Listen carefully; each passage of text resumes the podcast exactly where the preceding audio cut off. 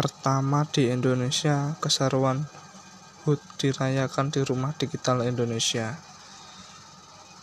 Pada 17 Agustus 2021 adalah tahun kedua Indonesia merayakan kemerdekaannya di tengah pandemi COVID-19. Tahun lalu, HUT RI hanya digelar acara kenegaraan saja. Namun tahun ini seluruh masyarakat Indonesia bisa merayakan HUT RI dengan semarak. Ya, masyarakat dari Sabang sampai Merauke kini bisa mengikuti festival kemerdekaan secara virtual di bulan kemerdekaan. Namun sebelum membahas festivalnya, sebenarnya apa itu bulan kemerdekaan? Selama ini kita merayakan kemerdekaan dalam tradisi masyarakat yang selalu ada perlombaan dan pameran.